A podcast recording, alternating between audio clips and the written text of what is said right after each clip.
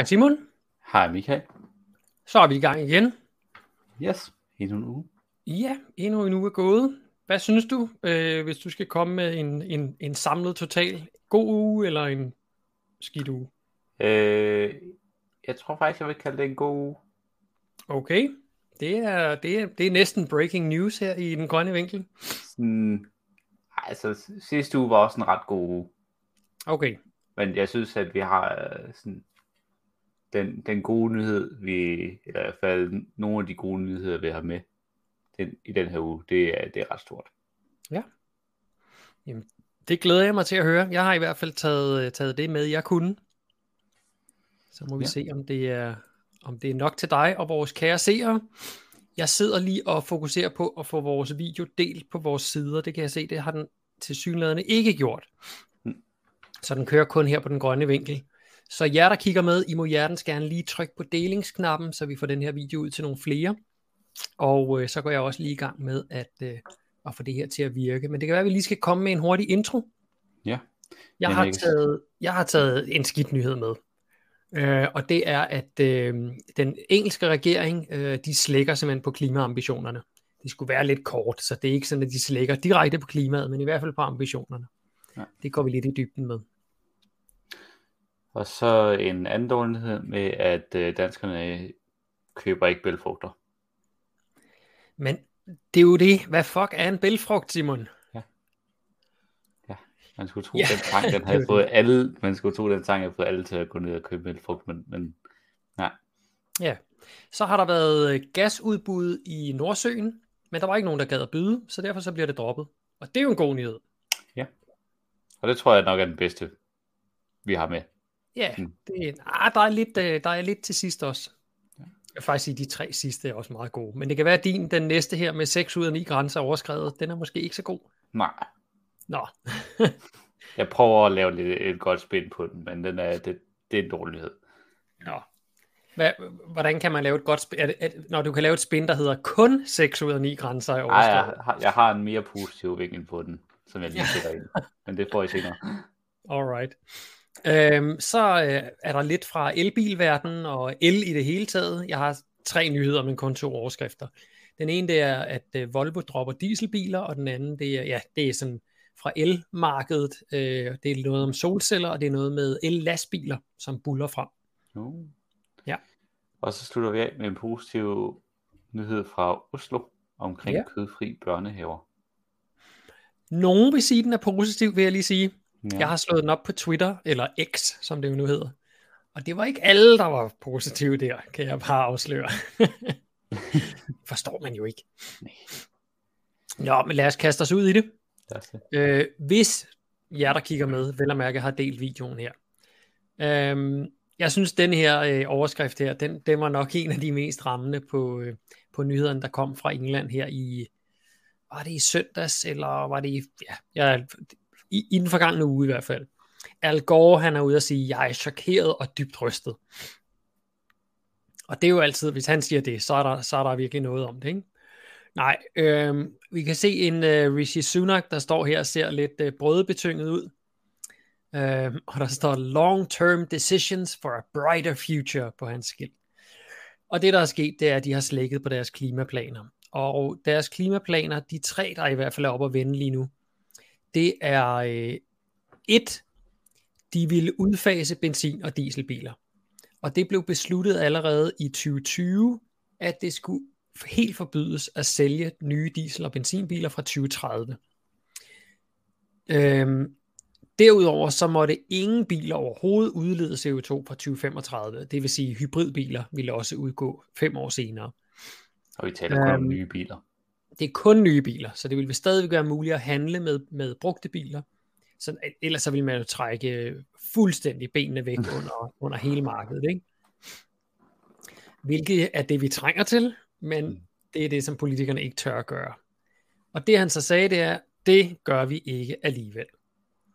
Øhm, og det var ligesom den største del af, af, af den udmelding her. Der er to andre ting, men hvad tænker du, at bilindustrien, bilbranchen, øh, sagde om den her udmelding, Simon? Egentlig så tænker jeg ikke, at de sådan bekymrer sig så meget om den. Det gør de. Nå. Så lad, os spørge, lad mig spørge på en anden måde. Kritiserede de den her beslutning, eller var de positivt stemte? Faktisk et godt spørgsmål, og det er det, jeg lidt sådan, fordi jeg har næsten en følelse af, at de begynder at rykke på sig alligevel, på grund af, at de ser, at der kommer så meget pres på Mm. sættet. Ja, Så, du er inde på noget. Så måske har de faktisk været kritiske over for det. Det har de nemlig været. Øhm, fordi øh, det, som øh, chefen for Ford i Storbritannien sagde, det er, at det vigtigste er, at man kan regne med den vedtagende politik. Hmm. Og det er jo også noget, vi hører for eksempel fra landbruget herhjemme, det er, jamen hvis der skal komme den skide afgift, så kom med den. Vi kan ikke bruge det der med, at måske kommer den, måske kommer den ikke, måske bliver den 500 kroner, måske bliver den 750. For, og, og det vigtige element i, øh, med politik, det er den der stabilitet, som gør, at man kan investere. Fordi uden investeringer, altså hele det kapitalistiske system er bygget op på låntagning. Man tager et lån, så investerer man de penge og prøver at få dem til at vokse, så man kan tilbagebetale lånet, og så har man en virksomhed, der kan producere penge og varer derefter. Ikke? Og selv da, så bliver man med med at låne, fordi så kan du købe endnu en maskine, og du kan høre endnu en medarbejder osv. osv. Det er uendelige vækstparadigme der. Det er drevet af lån. Og hvis, hvis ikke der er en stabil politik, jamen så ved investorerne jo ikke, hvad, altså, kan vi investere i elbiler, fordi det bliver kæmpestort, eller bliver der stadig solgt benzinbiler, så skal vi jo måske, øh, hvad hedder det, diverge, hvad, sådan noget, altså opsplitte vores investeringer. Ikke? Mhm. Så det skaber bare utryghed og usikkerhed, og det gør, at investeringen de falder. Så, så, øh, så bilbranchen selv er simpelthen ude at sige, vores forretning har brug for tre ting fra den britiske regering. Ambitioner, forpligtelse og konsekvens. En lempelse af 2030 udfasningen underminerer alle tre. Bum. Fedt. Ja, det synes jeg faktisk er ret fedt. Altså det her med, at ja, det kan godt være bilbranchen til at starte med kæmpet imod elbilerne og omstillingen og afgifter og øh, afgifter på brand, brændstoffer og jeg ved ikke hvad. Men det er ligesom om, når man så endelig vedtager noget, okay, så er det jo en forretning, der skal tjene penge, og når verden ændrer sig, så er forretningen jo nødt til at ændre sig, så den passer ind i den nye verden. Ja. Så det er ligesom om, at der er den der inerti med at komme hen til beslutningen, men når den så er taget, så, så bliver alle ligesom tvunget til at, at skifte om. Det er ligesom at få barnet til at tage et bad, og de ikke vil i, men de vil heller ikke op igen. Lige præcis. det er nøjagtigt det samme. Nå, så var der to andre ting i den her nyhed her. Den ene, det var, at øh, olie- og gasfyr skulle udfases, øh, og relativt hurtigt endda. Øhm, og den anden ting, det var, at øh, noget, noget med, altså det, der var nogle krav om energieffektivitet i alle udlejningsejendomme. Så det var ikke i alle private hjem. Men ligesom for at komme i gang og komme ind og, og, og, og begynde at pille ved det, så var det alle ejendomme, som, som blev udlejet. Og jeg tror, grunden til, at de gør det, det er, der er jo rigtig mange mennesker, der bor i et hus, som de lige akkurat har råd til. Det kan være en pensionist, der har betalt øh, gælden af, men har så få penge hver måned, så de kun lige kan betale huslejen. Eller hvad der nu måtte være af, af, af hvad hedder det, skatter og afgifter, ikke? Så de kan sidde relativt billigt i det. Hvis man stiller krav til, til mennesker, der kun lige kan bo i deres hus, om at nu skal de energirenovere, jamen så risikerer man at sende dem på gaden. Så det, det er der ingen grund til. Så det, jeg tror, at grunden til, at man har taget udlejningsejendom, det er jo fordi, det er en virksomhed. Det er jo en virksomhed, at du udlejer din ejendom, og derfor så vil der være, der er jo en, en, en løbende, hvad hedder det, øh, omsætning, øh, og når det er en virksomhed, så er det jo også nemmere at tage penge ud af den omsætning, fordi så har du endnu ikke betalt skatter og afgifter af den. Men både udfasning af olie- og gasfyr forsinkes, og kravet om energieffektivitet forsinkes. Og nu spørger jeg igen, Simon, hvordan tror du for eksempel, at øh, gasbranchen har, øh, har taget det med udfasning af gas- og oliefyr? Det tænker jeg faktisk, har været positivt omkring. Nej, de har ikke. De har nemlig Nå. også kritiseret det. Nå, okay. Ja, det er øh, chefen for den tyske energigigant E.ON, øh, øh, chefen for den britiske afdeling af E.ON. Han siger, at det er et fejltrin på flere niveauer. Set fra et forretningsperspektiv har virksomheder, der ønsker at investere langsigtet i Storbritannien, brug for vidshed for at skabe de arbejdspladser og økonomisk fremgang, som landet har brug for. Og han hedder jo et Chris Norbury.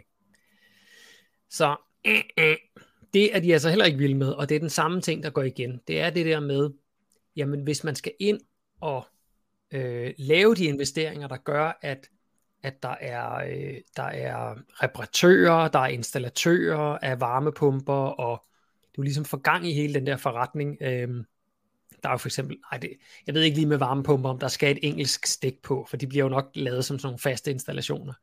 Men altså, der er hele det der økosystem, der skal bygges op, inden man kan komme i gang. Og igen, når der ikke er vidsheden om, om det kommer til at ske eller ej, jamen så kan man ikke opbygge det der, så kan man ikke investere i det økosystem.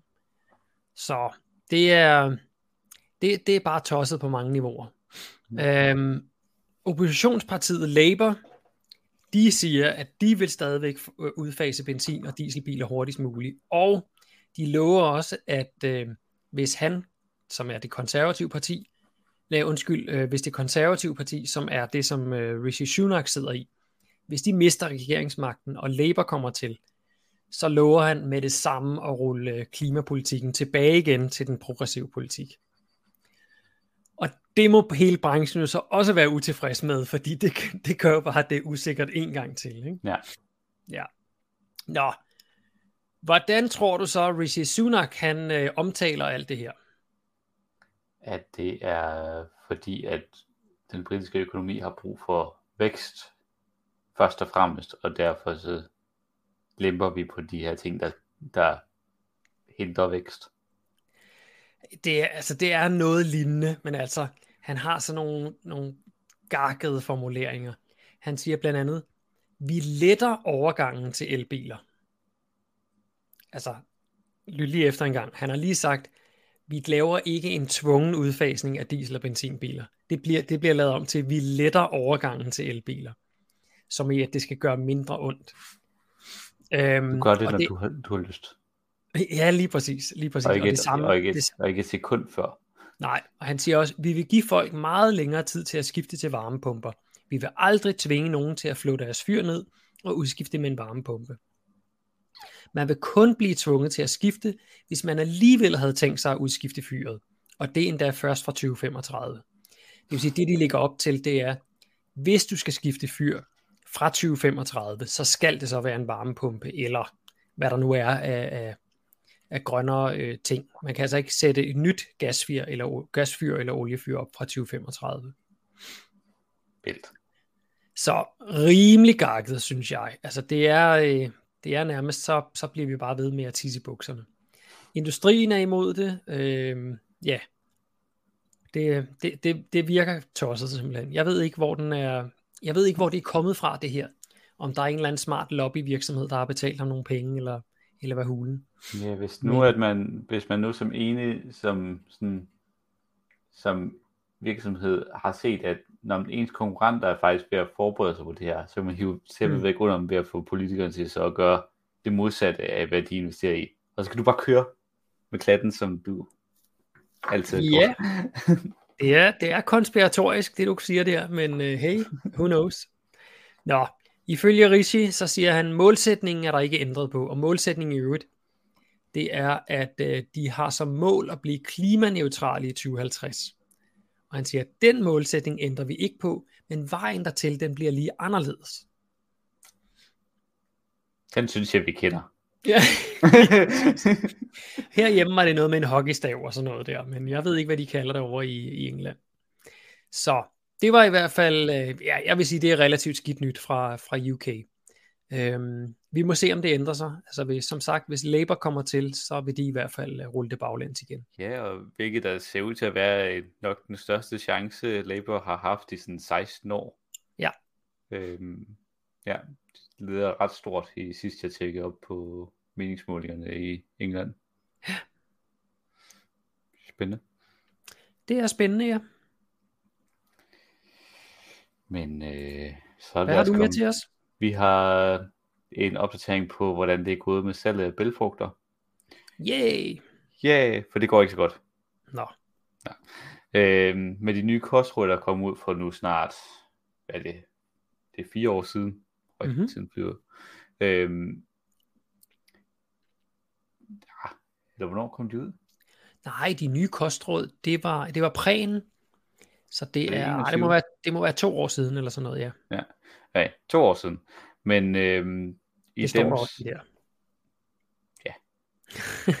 Super.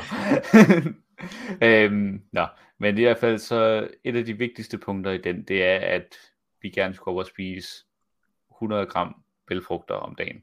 Mm-hmm.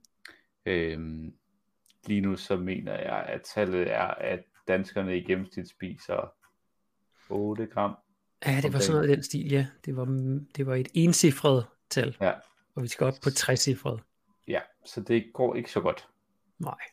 Øhm, men det var faktisk bedre i 2020. Mm. Så før det, de nye kostråd kom ud, der spiste vi flere bælfrugter, end vi gør nu. Jeg vide, om der er mange, der har sagt, I skal fandme ikke bestemme, så nu spiser jeg bare en ekstra bøf. Øhm, så ta- tallet af bælfrugter, der, bliver, der bliver øh, solgt i for eksempel Selling Group, er faldet med omkring 10%. 10% på tre år, Ja, det er ikke så godt. nej. Det skal siges, at øh, en af teorierne er, at muligvis har erstatningsprodukterne taget en del af det marked, som bælfrugterne Mm. før fyldte. Okay, fordi at salget af erstatningsprodukter er steget med 17%, og det var allerede en større kage. ja. Så de 17% er en meget større stigning end faldet af de 10% af bælfrugter. Okay, ja, altså hvis, hvis jeg skal sige noget, så vil, så vil jeg også gætte på, at vi spiser nok flere erstatningsprodukter end, øh, end, end bælfrugter. Ja. Så det, Øhm, det lyder meget rigtigt. Ja. Og, Og erstatningsprodukterne er jo lavet af bælfrugter. Så. Ja, de tæller ikke med i de 100 gram, Mm. vi skal spise, fordi at det skal, ifølge kostråden, skal det være hele bælfrugter, ja, ja. og ikke granulat. Øhm, ja, og så er der lidt snak omkring, hvorfor har det ikke virket?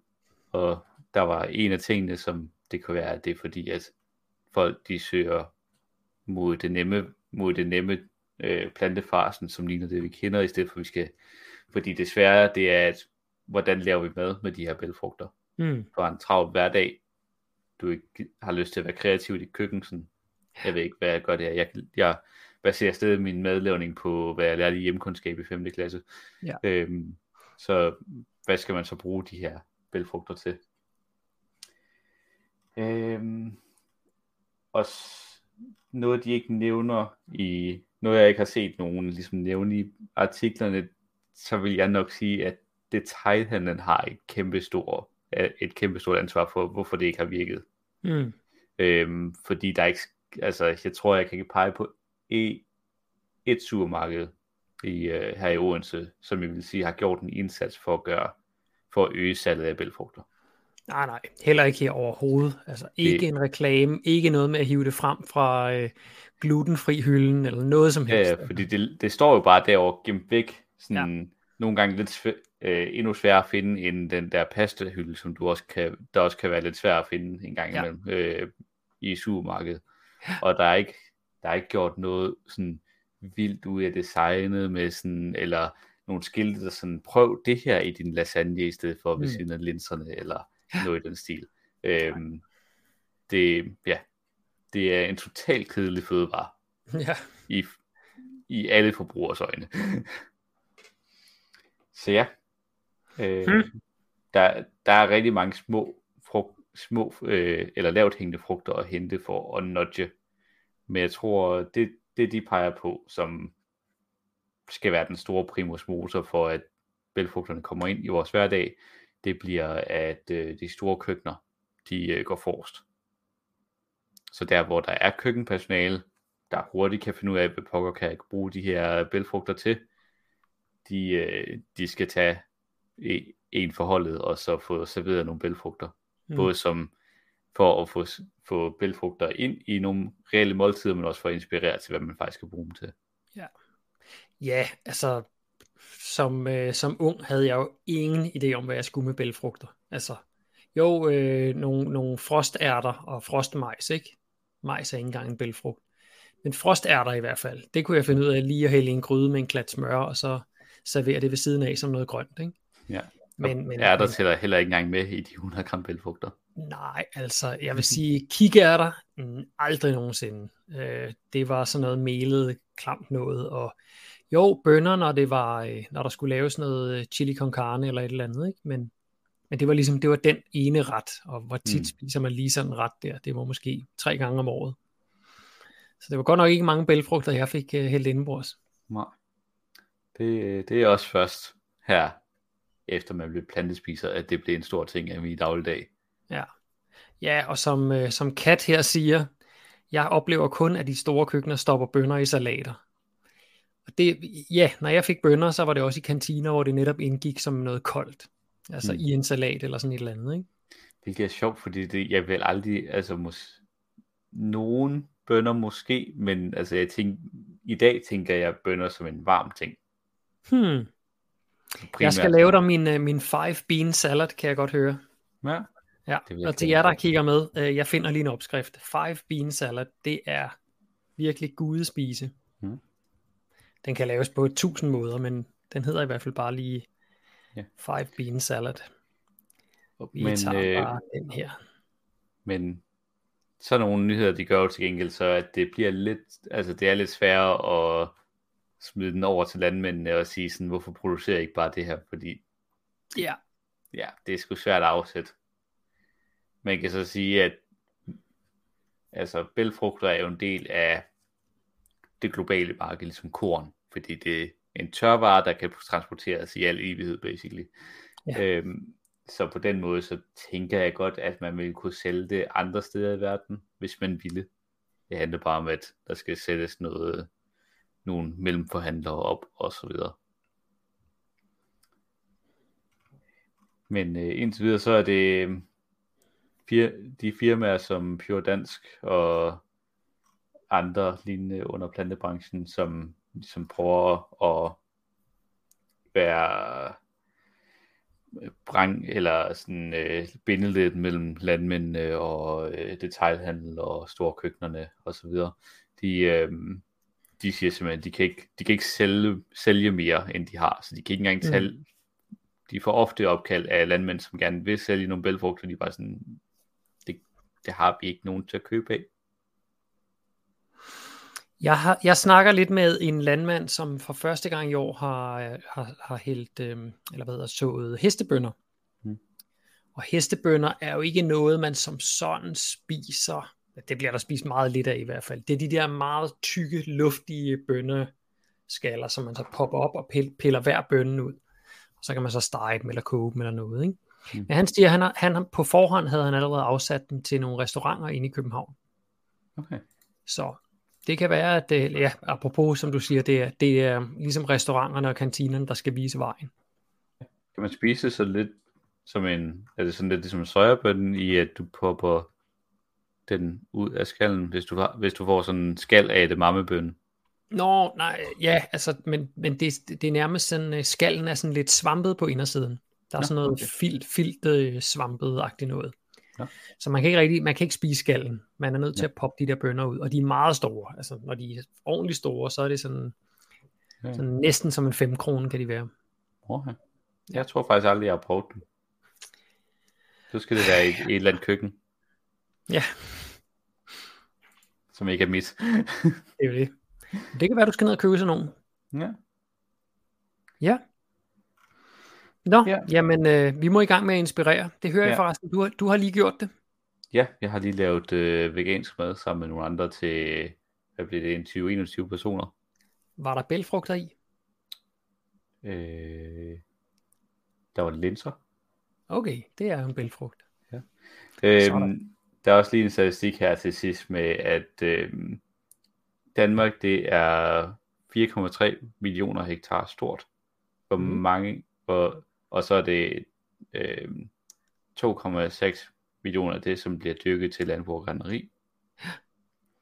Hvor mange af de hektar, hektar tror du, der er dyrket spilfrugter på?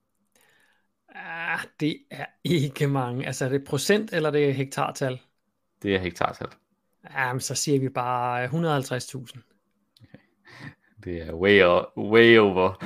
Øhm, okay. det, er, det er 40.000 hektar. Ja, Det er lidt skræmmende. Ja.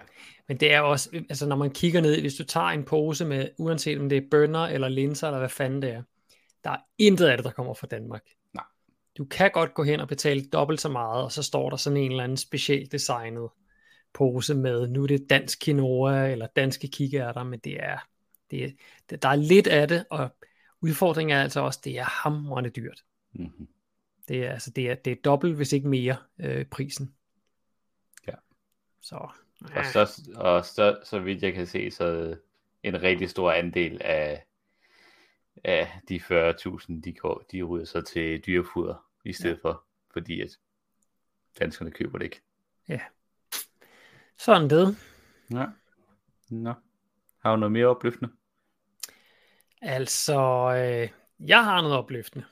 Fedt. Og det er Lars Ågaard, selvom han ikke ser særlig glad ud. Jeg ved ikke, hvad det er for en underlig billede, jeg har fundet af ham her. Men alle partierne jubler. Nej, det passer ikke.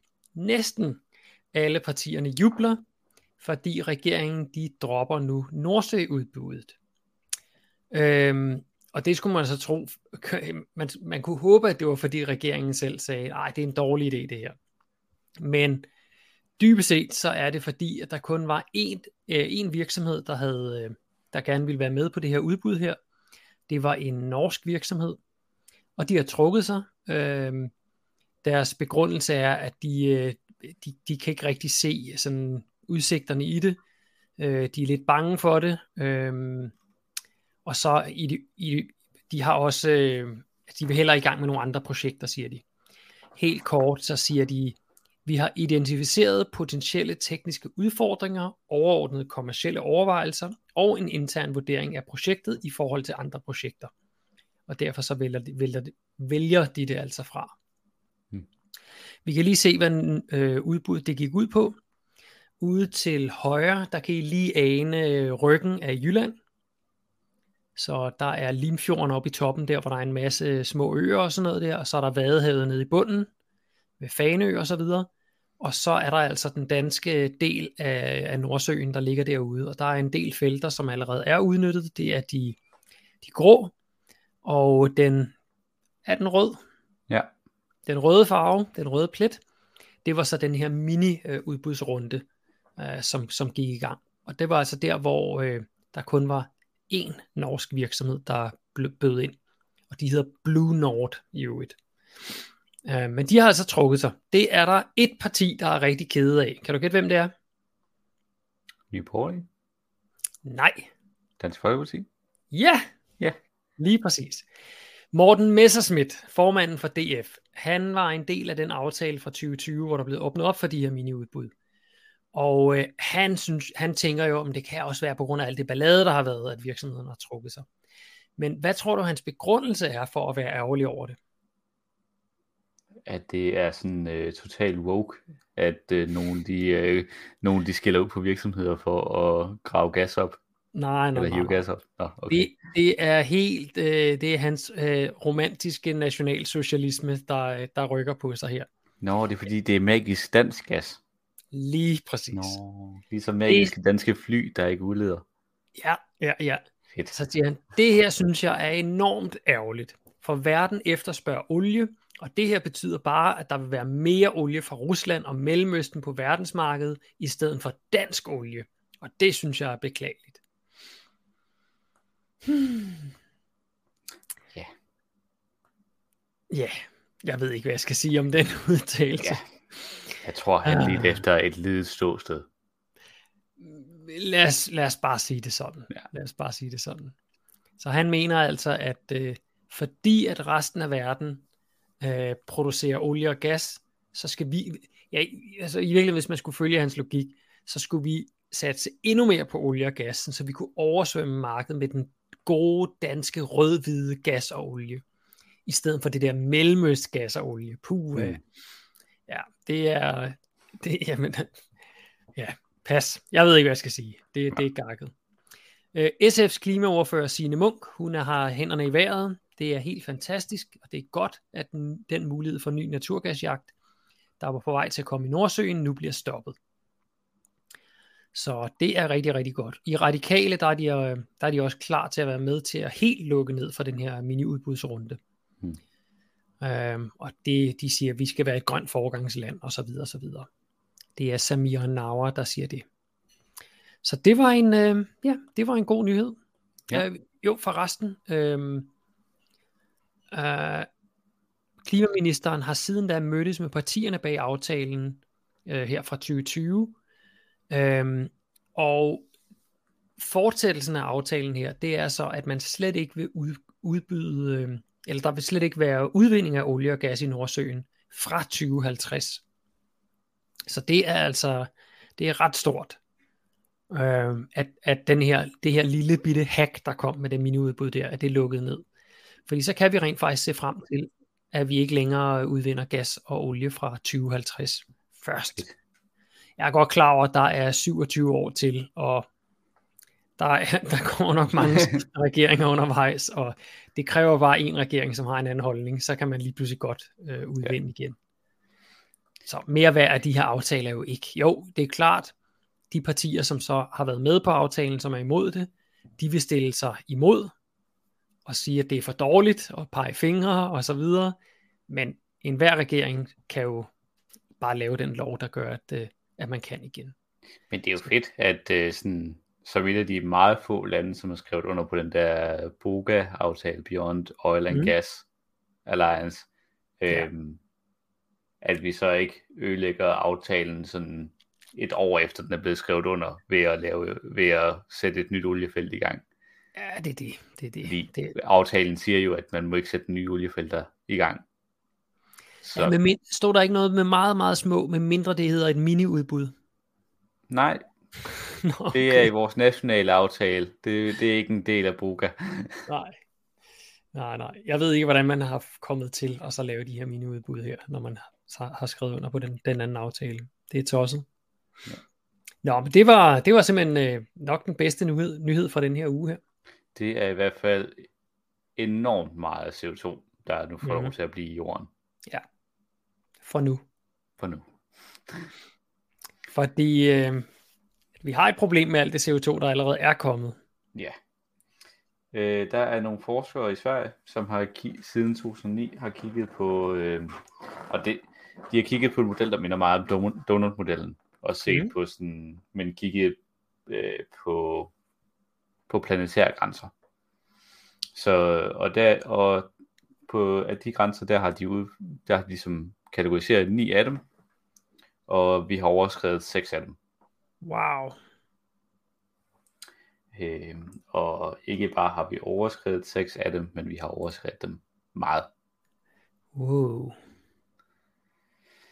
Så øh, der, der er sådan en graf på, på skærmen her, hvor at øh, vi, vi har den grønne cirkel ind i midten. Det er der, hvor at hvis vi er i den cirkel, så er vi inden for, hvad, øh, hvad kloden kan klare af vores forbrug af ressourcer og udledning af CO2 og øh, luftforurening og alt sådan noget.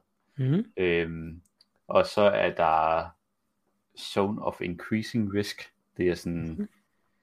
øh, gulrøde lyse farver, der, mm. øh, der begynder at sprede sig ud, og der, der er vi sådan i zonen med det sådan, det er ikke nødvendigvis er sådan kruet rød situation, mm-hmm. men vi er i hvert fald ved at tære på planeten. Mm. Og så er det der, hvor det begynder at blive de, de, mørke, de mørke farver, der er det sådan, vi er totalt på vej ud, over kanten. Okay. Øhm, og dem er, dem er der et par stykker af. Ja, så der er sådan noget som øhm, Biosphere Integrity. Det er sådan lidt en, en sammenslutning af, øhm, hvordan har vores, sådan, hvordan har det globale økosystem det. Mm-hmm. Så det er lidt en sammenslutning af de forskellige. Øhm, så er der climate, og det, den er vi øh, totalt ved at skyde over. Ja, den med biosphere der. Ja. ja.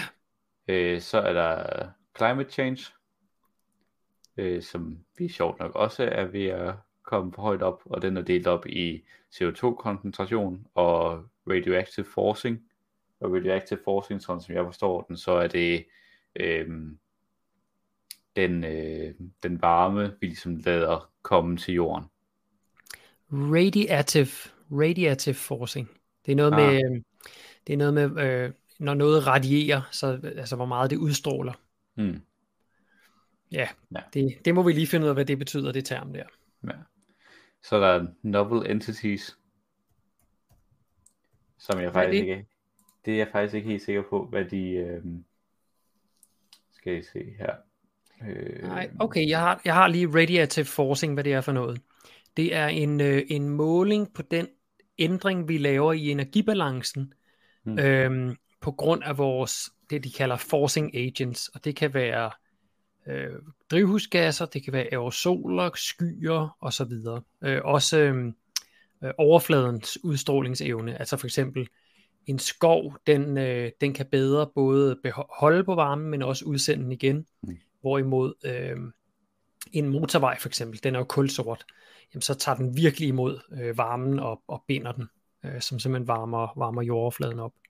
Ja. Så det er det, radiative forcing. Så lærte vi noget nyt der. Og novel entities, det handler omkring kunstigt materiale, så det er sådan noget plastik og Ah. PFAS og den slags.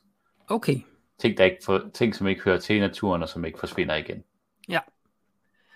den ser altså også rimelig slem ud. Ja. Så har vi sådan noget som øh, stratospheric ozone depletion. Mm. Øh, og den er jo faktisk i bedring. Det gør vi ikke så meget mere. Nej, og det er jo efter, at der var øh, hele panikken omkring, at ozonlaget var mm. ved at bryde sammen. Og så Det skete var, der noget. det var i min barndom, kan jeg hilse Ja. sige.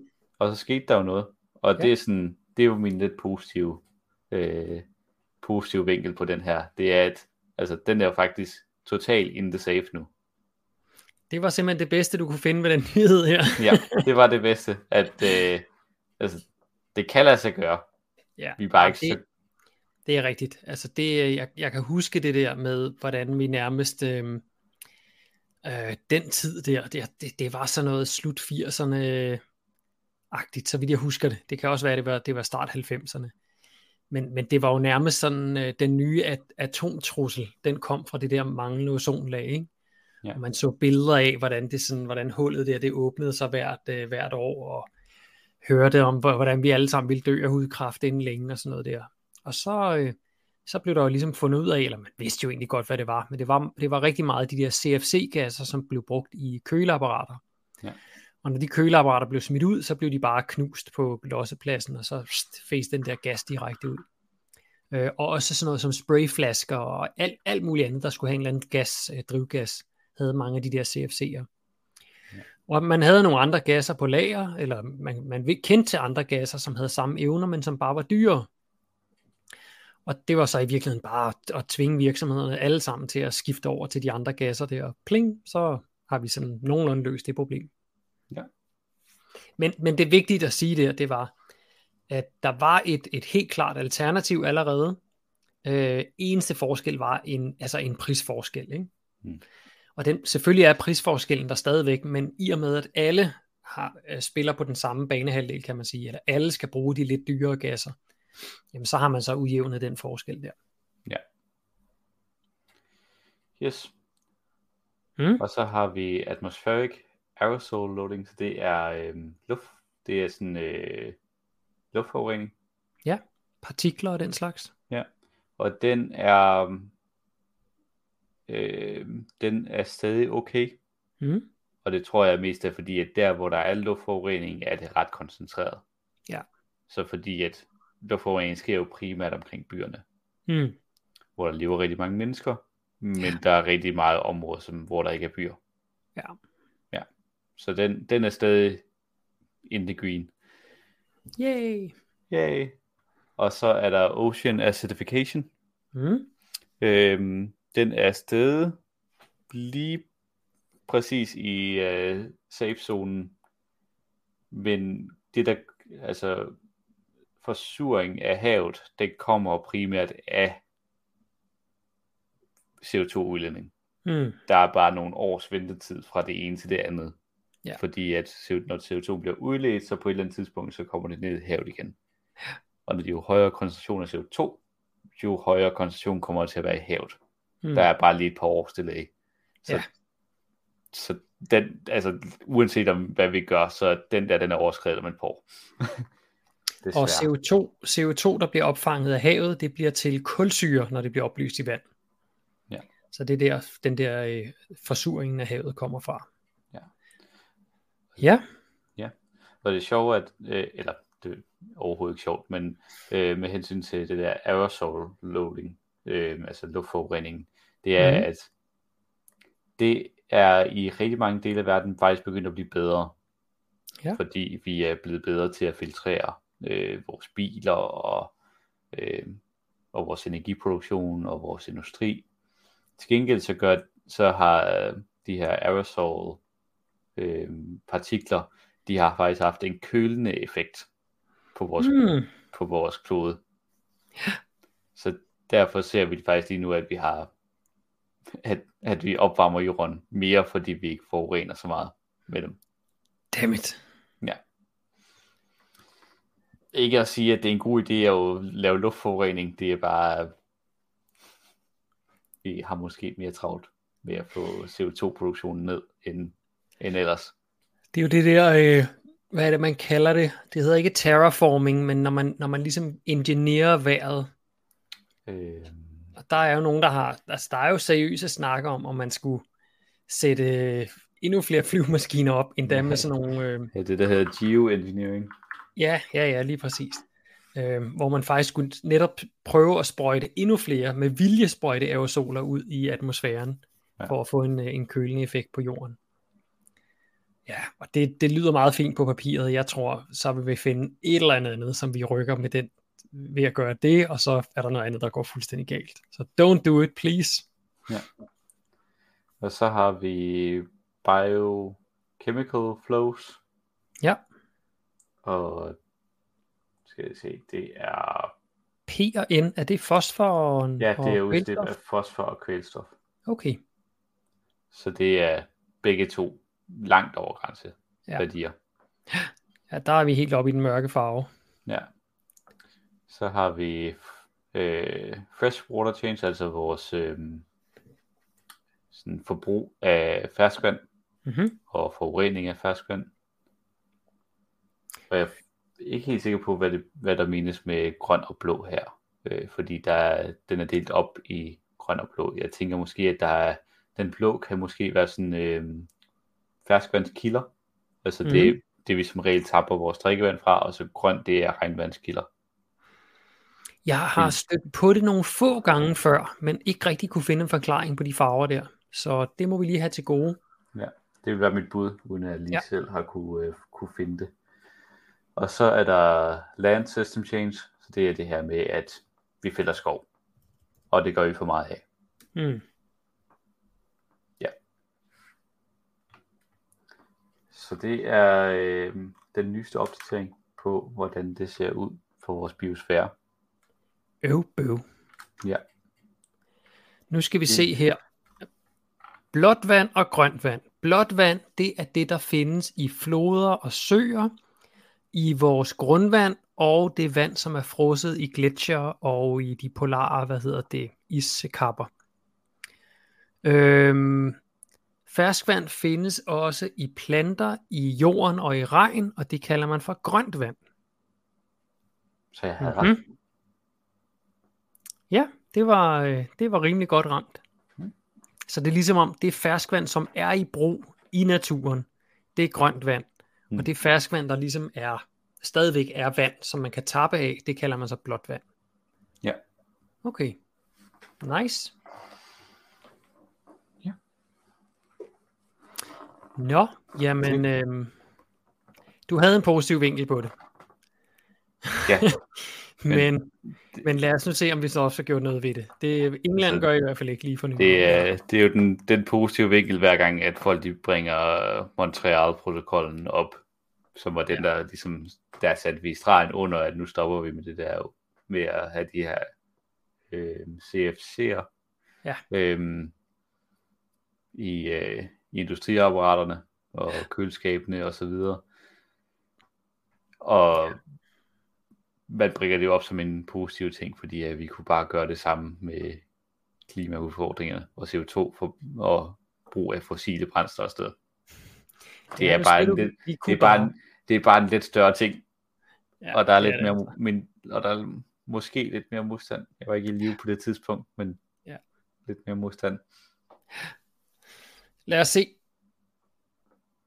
Alright, der er i hvert fald en god nyhed omkring det der med at stoppe med øh, det fossile. Øh, og den kommer fra Volvo af alle bilvirksomheder. Det skal lige siges, at Volvo er jo ikke rigtig den der svenske øh, bilproducent længere. De blev købt af kineserne for, det må snart være 10 år siden, vil jeg gætte på. Øhm, de har stadigvæk øh, øh, produktion i, i Sverige, øh, men kineserne købte jo Volvo for at at få fat i al den øh, fede teknologi, som, øh, som Volvo ejer. Det, der så er sket siden, det er, at kineserne jo satte sig big time på elbiler, og det er så også kommet til Volvo. Så Volvo, de producerer simpelthen deres sidste dieselbil allerede, som de siger her, tidligt i 2024. Det er rimelig groundbreaking, altså Det er det her, det er ikke, det er ikke 2030 eller 2035 eller noget, det er altså det er tidligt næste år, det vil sige, vi snakker om et halvt års tid. Ja, for det er tidligt, så det er jo nok i, i foråret, så det er jo Ja. ja 5-6 måneder max. Noget i den stil. Øh, jeg tror, der, det, det kommer til at rulle hen over skærmen på de svenske nyheder. Det er jeg helt overbevist om. Øh, Volvo har jo satset massivt på elbiler igennem øh, mange år efterhånden. Øh, så altså, benzinmarkedet, det vil de stadigvæk være på øh, noget tid endnu. Øh, de, har stadig, de har overordnede planer om at, øh, at helt komme over til, øh, til elbiler. Øh, og det har de allerede, eller allerede, det har de fra 2030 øh, og de vil være helt klimaneutrale i 2040. Så det er altså det er syv år mere med benzinbiler, hvis deres plan kommer til at holde. Det der ofte er med de virksomheder, som vi jo, jeg tror vi har snakket om det tidligere, det her med, når virksomhederne så sætter sig nogle mål, så ser man faktisk oftere, at de indfrier målene tidligere. Fordi højst sandsynligt giver det ikke mening stadig at producere benzinbiler om syv år, fordi øh, hvis, ja, nu så ikke længere øh, UK, men i hvert fald hvis resten af Europa helt udfaser øh, brændselsbiler øh, fra 2030, 2035 eller noget, hvorfor skal man så have produceret helt ind til den dato? Det, jeg, jeg kunne forestille mig, at elbilsmarkedet, øh, at det simpelthen svinger så hurtigt. Så, øh, så det, det er også noget, der kommer til at ske. Så Det er ja, sådan i, i stærk kontrast til sådan England, der siger, ah, 2035, ah, det er sgu lidt Ja. svært det der. ja, lad os lige slække lidt på det, fordi vi vil helst ikke være i vejen og så videre. Det var også ligesom dengang, vi snakkede omkring øh, den aftale, der kom i EU for noget tid siden. Som også satte en grænse, som også, det var meningen, at du sætte en grænse der i 2035. Mm. Men så var der noget, nogle smut, smuthuller, der blev åbnet alligevel. Så det er sådan, ja. ja, lidt ligegyldigt, fordi at altså, industrien kommer nok til at bevæge sig hurtigere på den her front alligevel. Hmm. Jeg tror det.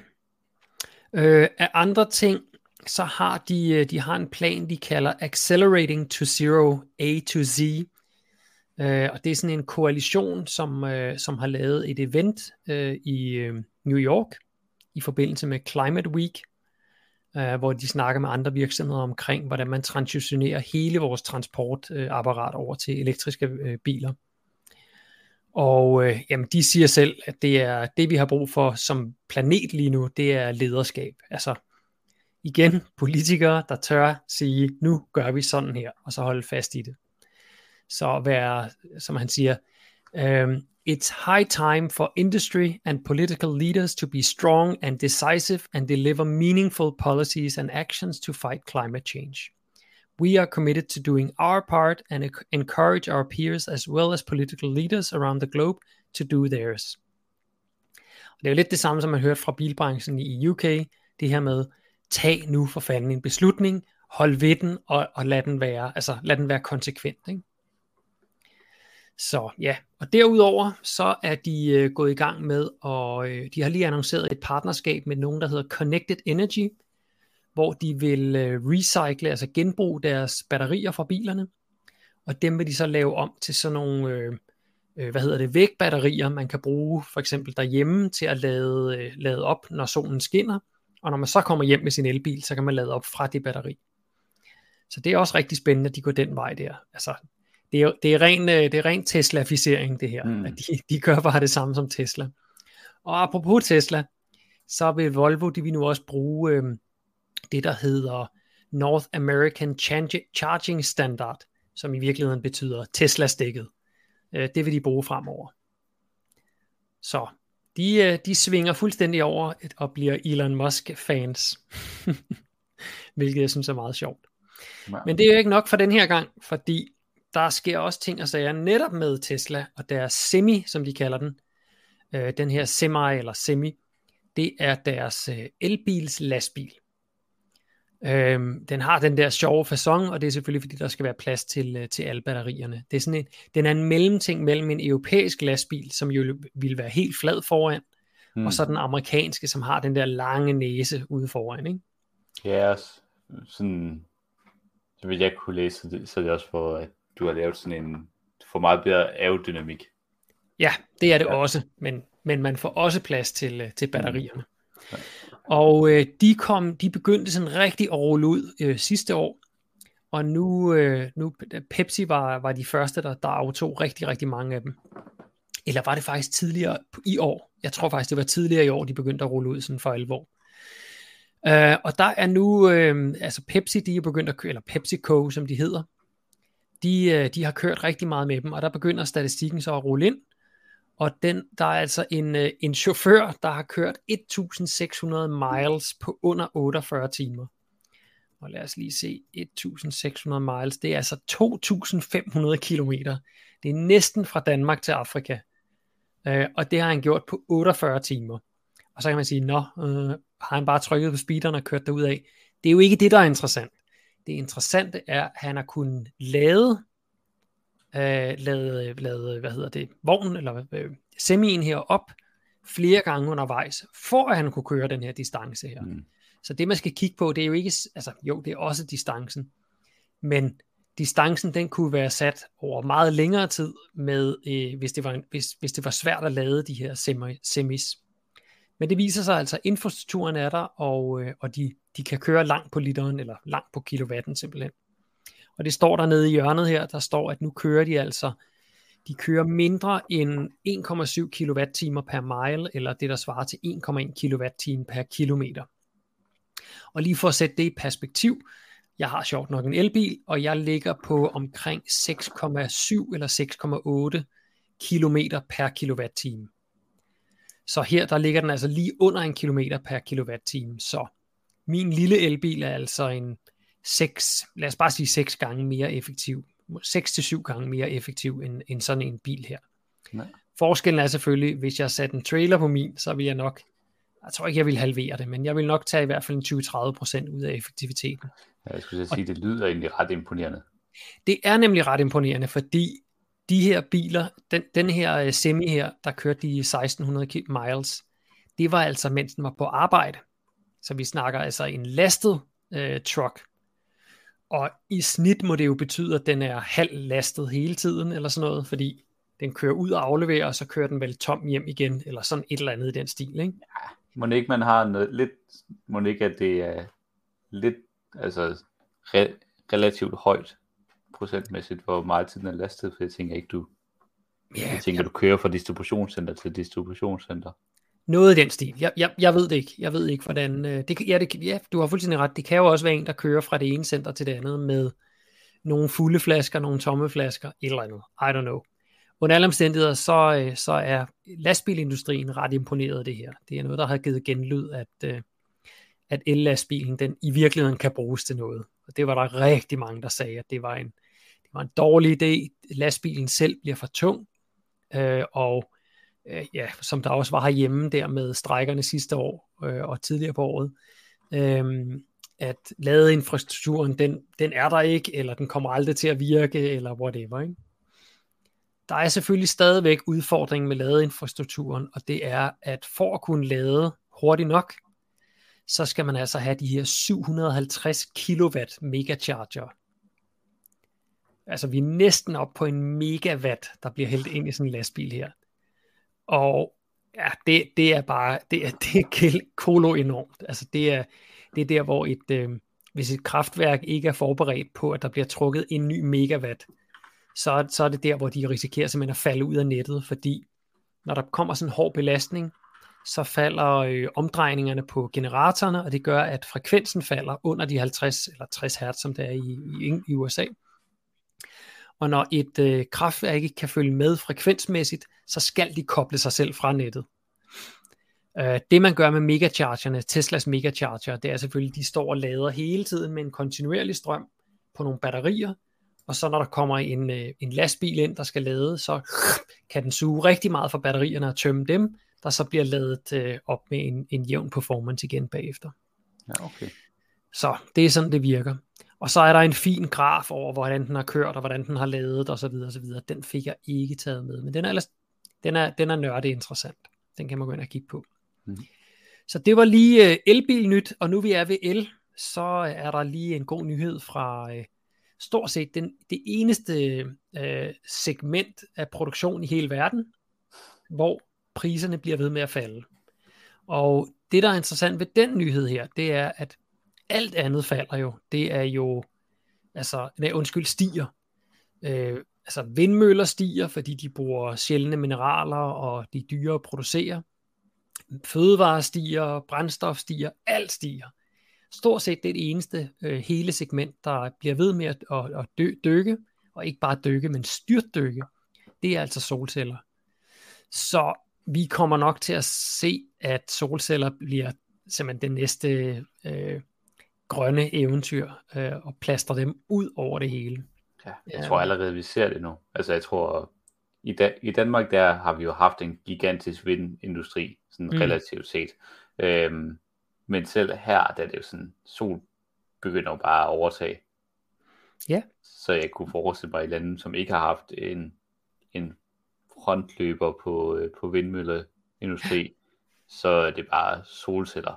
Hele, altså, det kører bare. Det er, det er billigt, og det er nemt at sætte op. Spørgsmålet er i virkeligheden, om vindmøllerne er sådan en form, lidt, lidt uh, datidens fastnettelefon, hvor øhm, det man jo så blandt andet i Afrika, det var, at de, de har jo aldrig nået at, at udbygge sådan et fastnet-telefonnetværk, som vi gjorde her i, mm. øh, i Europa. Så da mobiltelefonen kom, så løb det bare ud over kontinentet som en steppebrand, ikke? Ja. Og faktisk var de jo hurtigere med mobiltelefonudrullings og netværk og så videre dernede. De var også hurtigere med betalingsløsninger på mobiler, end vi var i, i Europa. Mm. Og, og det kan være, det er lidt det samme, vi kommer til at se, at, at det der dinosaurprojekt, der hedder Vindmøller, at ja, men de er for besværlige, og kirkerne vil ikke have, vil ikke have dem, og altså de, det er bare for, det er for tungt, der er med at gøre, ikke? Ja. Solceller, bum, der er simpel infrastruktur, øh, ja, man kan stille dem op fra, fra, mens man går rundt på jorden, eller man kan sætte dem på sit tag, og ja, why not? Ja. Ja. Det, det bliver spændende sådan, på et tidspunkt, så må de jo falde til et niveau, for at det sådan, at sådan nogle koncepter som agrivoltaics, ja. altså det her, hvor du begynder at kombinere solceller med rent faktisk at lave landbrug, begynder at give mening. Ja. Øhm, fordi du kan få højere udbytte af det. Ja, altså det jeg har set omkring lige præcis agrovoltaics, det er, at det, kan, det giver allerede rigtig god mening øh, med, med mange forskellige afgrøder. Øh, jeg ved ikke, om det giver mening endnu i et land som Danmark, hvor vi jo øh, man kan sige, er lidt på den, på den lave side med, med solindstrålingen. Ja. Øhm, men altså i, i, i Sydeuropa og i USA, der vil det give rigtig, rigtig god mening at gå den mm. retning der. Ja. Og så hvis de falder yderligere, jamen så, så er det lige før, at det kun giver mening at gøre det på den måde. Ja.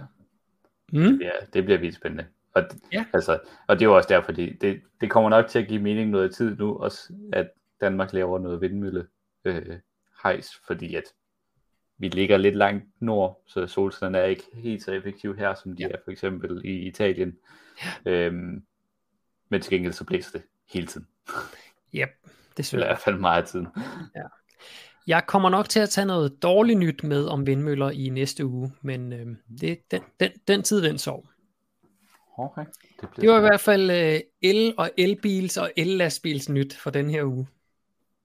Og så den sidste, fordi at det handler omkring Oslo, som ja. har indført, at alle bør- børnehaver og institutioner, de skal være uden kød. Sådan. Ud over øh, sådan øh, fritidshjem, hvor man er i lang tid. Mm.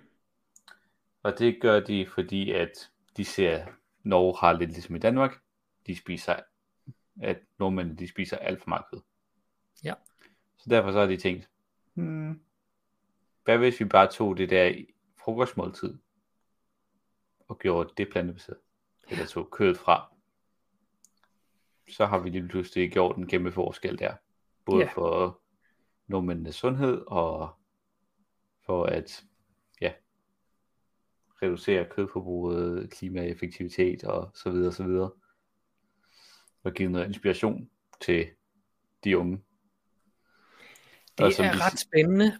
Altså, der går jo små 20 år, før vi kan se, om de unge, de så vokser op og spiser mange flere bælfrugter, eller, eller hvad der kommer til at ske. Ja. Ja, det er jo sjovt, fordi det, som overskriften er, siger, at, at der er en, der er, og det er en udtalelse fra en af øh, politikerne, der har været med til at føre det her igennem i, i Oslo, at det er sjældent, at man hører om unger, som spiser for lidt pølse, ja. som i, som i at sige, altså, det er sjældent, at man hører om børn, der ikke får deres kød, får stoppet kød ind. Men det, øh, det er jo super positivt, synes vi. Ja. Fordi at det er super godt for den grønne omstilling, og det er altså, også godt for børnenes sundhed, at de også får noget, at de får noget mere plantemad. ja, og det er også godt for dyrene. Også godt for dyrene, og godt for miljøet, og så videre, så videre. Øhm, det kom, det, øh, der er nogle enkelte øh, ekstra ting.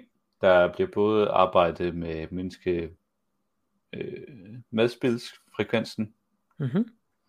Øhm, der er en undtagelse, som jeg sagde, med hensyn til de børnehjem, hvor at børnene opholder sig nærmest hele tiden, eller Mhm. i længere tid. Øhm, øh, men selv i dem, så skal der være tre, mindst tre kødfrie dage. Okay. Og det gælder også i alle, alle andre kan- kantiner i kommunen. Alle andre, altså også det, på, på plejehjem og sådan noget. Mhm. Nå, okay. Det er spændende. Ja. Øhm, der kan laves undtagelser for de her, hvor det skal være hele tiden. Der kan laves undtagelser i forbindelse med højtider. Mm-hmm. Så der kan komme flæskesteg til jul, eller hvad end nordmændene har af Ja, ja. lignende, lignende kulturelle ting. Øhm, Det kan være, at de begynder at fejre mandag og tirsdag og onsdag fremover. ja. Øhm, og så skal der være et varmt vegansk måltid, når der bliver øh, serveret varm mad. Wow, sådan. Så som udgangspunkt, så skal der være et vegansk måltid. Så det er ikke kun bare, at det hele skal være vegetarisk. Så det er jo i virkeligheden, hvad vi har prøvet at kæmpe for i Odense og København og Aalborg igennem noget tid, det her. Ja, i hvert fald det med, at der skal være en mulighed. Det er spændende. De tager bare faktisk skridtet videre, så også tager kødet væk som udgangspunkt. Øhm, der er jo selvfølgelig noget, øh, noget backlash på det her. og Det kommer fra, Nej da. der, der er hvad der svarer til sådan konservative i, i Danmark. De er ude at sige sådan, det her det er, altså det er jo ikke jordens undergang, men hvis de skulle bestemme, så havde de bare sagt, at de skulle spise efter kostrådene. Og Okay. det, og altså ligesom at de danske kostråd, de lægger sig virkelig meget op af de nordiske kostråd, så, så Norges kostråd, det er næsten en til en det samme som det danske. Det er egentlig lidt interessant, at de, sk- at de siger, at det ikke er jordens undergang. Ja, det er lidt ligesom om, at de sådan, vi er imod, men eh. Ja, ja, altså det, det er jo mere, øh, når man ser, hvordan retorikken er herhjemme, så er det jo som om, at det er jordens undergang, når nogen Ja. siger, at vi skal have en, øh, en kødfri dag, eller sådan et eller andet, ikke? Ja. Og øh, hvor er selvbestemmelsen og ytringsfriheden og vores menneskerettigheder? Og, altså den, den får altid på max klinge, lige så snart man bare nævner det her. ja. Så det er som om, de er lidt mere pragmatiske i Norge. Og det er også lige, altså jeg lægger også lige mærke til, at journalisterne, der har skrevet den her, de har også været gode til at lige at lægge en notits, øh, fordi en af tingene, de sådan, når de snakker om kostrådene, det er jo, at der må vi jo godt spise, der, der skal vi jo gerne spise 350 gram kød om ugen. Mm. Kommer der en udtalelse for den her politiker. Mm. Men, men under det, så står de sådan notits med, at det er max. Ja. og, og det er jo en klassisk misforståelse, det der, når der står et, øh, et antal gram, Mm. øhm, så står der faktisk netop det der max foran, ikke? Og det betyder fra 0 til det der, det, Ja. det er inden for anbefalingen. Ja, ligesom, Men at, alle læser det som, så skal vi huske at spise de der 300 eller 500, eller hvor meget det nu ligesom, er. ligesom bælfrugter, der er det 100, der er minimum. Ja. For at du, og så oven på det er godt. Ja. Øhm, og så er der selvfølgelig også de mere skingre i forbindelse med Fremskridtspartiet, som jeg mindes er sådan svar til DF Nye Borgerlige øh, fløjen, Mm-hmm. Øh, som kører den der med sådan, det er for, formynderi og statsdiktatur. Øh, Ja, og okay. bestemme, hvad folk skal spise. Okay, så der var også noget af den røst der. Ja. Yes. Men ja, rigtig positivt og spændende at se, hvordan det, øh, det kommer til at udvikle sig. Ja, det Og bliver man lige pludselig ser en hel masse børn, som falder om af proteinmangel og drukner i sandkassen mere end de allerede gør. Ja, ja, ja. Ja, det er inde på min uh, Twitter eller X, der var altså der, der var en del kommentarer med at synd for de norske børn, der nu skal dø alle sammen af underernæring og fejlernæring og det ene og det andet. og det, altså, vi snakker stadig kun om et måltid. Om Ja, dagen. ja, ja, ja. Men altså, der skal kød i alle måltider, ellers ja. så dør man af fejlernæring. Ja, det er sådan, det er. Ja. Sådan er det. Nå. For, folk om det. Simon, vi er gået lidt over tid, så jeg synes, ja. vi skal lade folk komme tilbage til, øh, ja, hvad det nu er, fjernsynet eller Facebook, eller hvad de sidder og laver i dag. Ja. Okay, hoppe tak for en god udsendelse, Simon. Lige måde. Jeg vil hoppe tilbage til min bog. Ja, kan I have det godt derude, og inden I forlader, så tryk lige på del-knappen, så andre kan se øh, den her udsendelse og følge lidt med i den grønne vinkel på, på ugens nyheder. Ha' det godt. Hej hej.